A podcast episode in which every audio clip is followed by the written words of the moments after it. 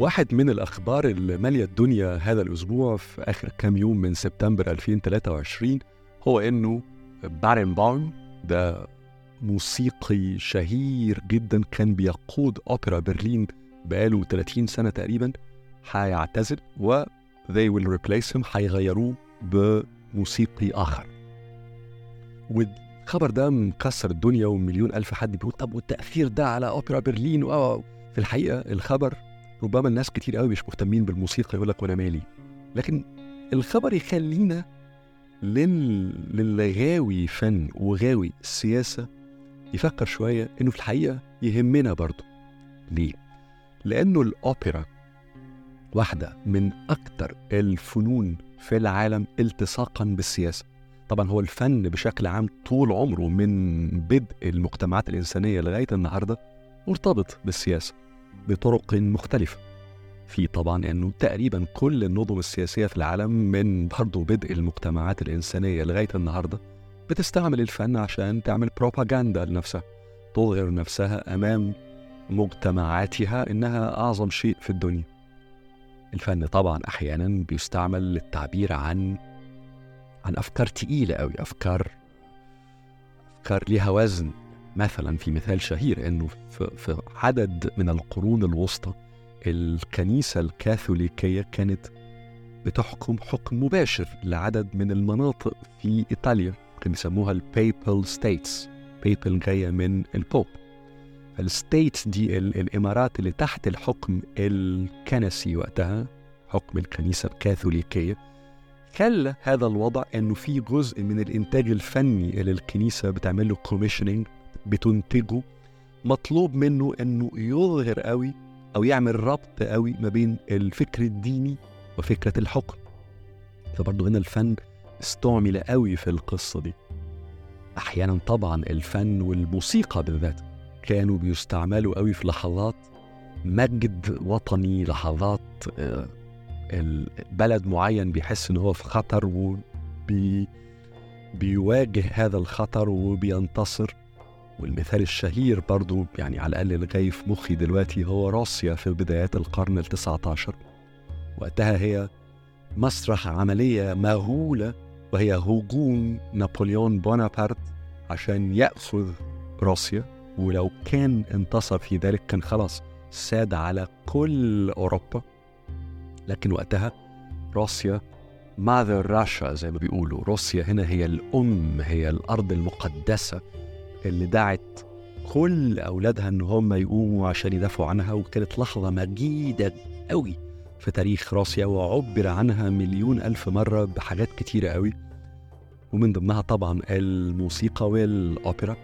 ويمكن التعبير الأشهر اللي يمكن ناس كتير مننا يعرفوا هو رواية ليو تولستوي الشهيرة War and Peace الحرب والسلام. اللي عن حاجات كتير طبعا لكن في قلبها هذه النقطة الدفاع عن روسيا أمام غزو نابليون بونابرت. المهم يعني الأفكار السياسية اللي ارتبطت بالفن أو الفن كتعبير عن أفكار سياسية موضوع قديم ومتداخل. ولغاية النهاردة يعني على سبيل المثال الاتحاد الأوروبي في نهايات القرن التسعة العشرين بدايات القرن الواحد وعشرين بعد أن أوروبا حربت بعض القرن التسعة عشر كله والقرن العشرين كله والحرب العالمية الأولى والثانية وملايين عشرات الملايين من الأوروبيين ماتوا في هذه الحروب. لما أوروبا got together بدأت تقول لا إحنا هنتخطى هذا التاريخ الدموي وهنعمل مشروع تنموي اجتماعي سياسي كويس قوي اللي هو الاتحاد الأوروبي عشان يعبروا عن الفكرة الرئيسية السياسية طبعا الاجتماعية طبعا. في قلب هذا المشروع اختاروا جزء من أوبرا لبيتهوفن إن هي تبقى التمثيل الفني الوجداني إلى حد بعيد لفكرة الوحدة الأوروبية. فالتلاصق ما بين الفن بشكل عام والسياسة طبعا موضوع قديم قوي وبالذات ال music المزيكا والأوبرا.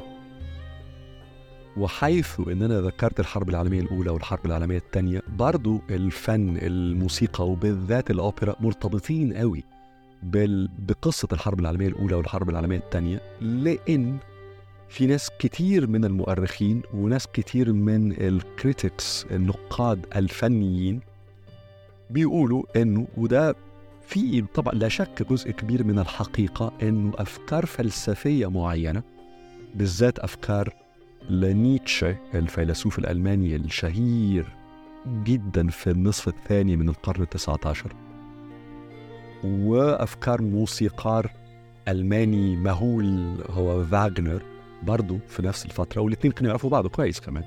إن أفكار هذا الفيلسوف وأفكار هذا الموسيقي كان ليهم تأثير كبير على نشأة الفكر النازي ولذلك على اندلاع الحرب بداية الحرب العالمية الثانية. لكن لكن الفكر النازي اللي بدأ في ألمانيا قبل ذلك في العشرينات والثلاثينات كل هذا التاريخ وبالذات حتى المثال بتاع الحرب العالمية الثانية وتأثر النازي بنيتشه وبالذات بفاغنر.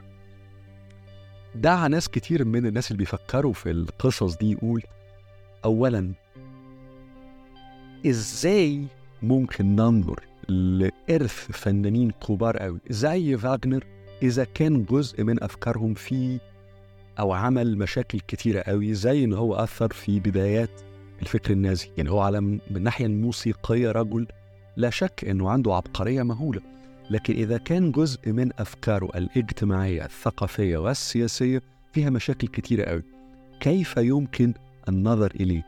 هل يمكن التفرقة ما بين نقد أفكاره ده على جنب أو دي على جنب في مقابل إن فنه شيء عظيم قوي ولا في تينتينج إنه لا دي أفكاره السيئة بتؤثر أو يجب أن تؤثر في نظرتنا إليه كفنان.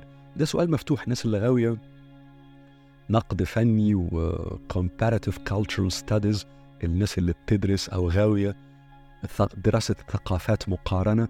الثيم ده متكرر قوي بالذات في آخر 15 20 سنة.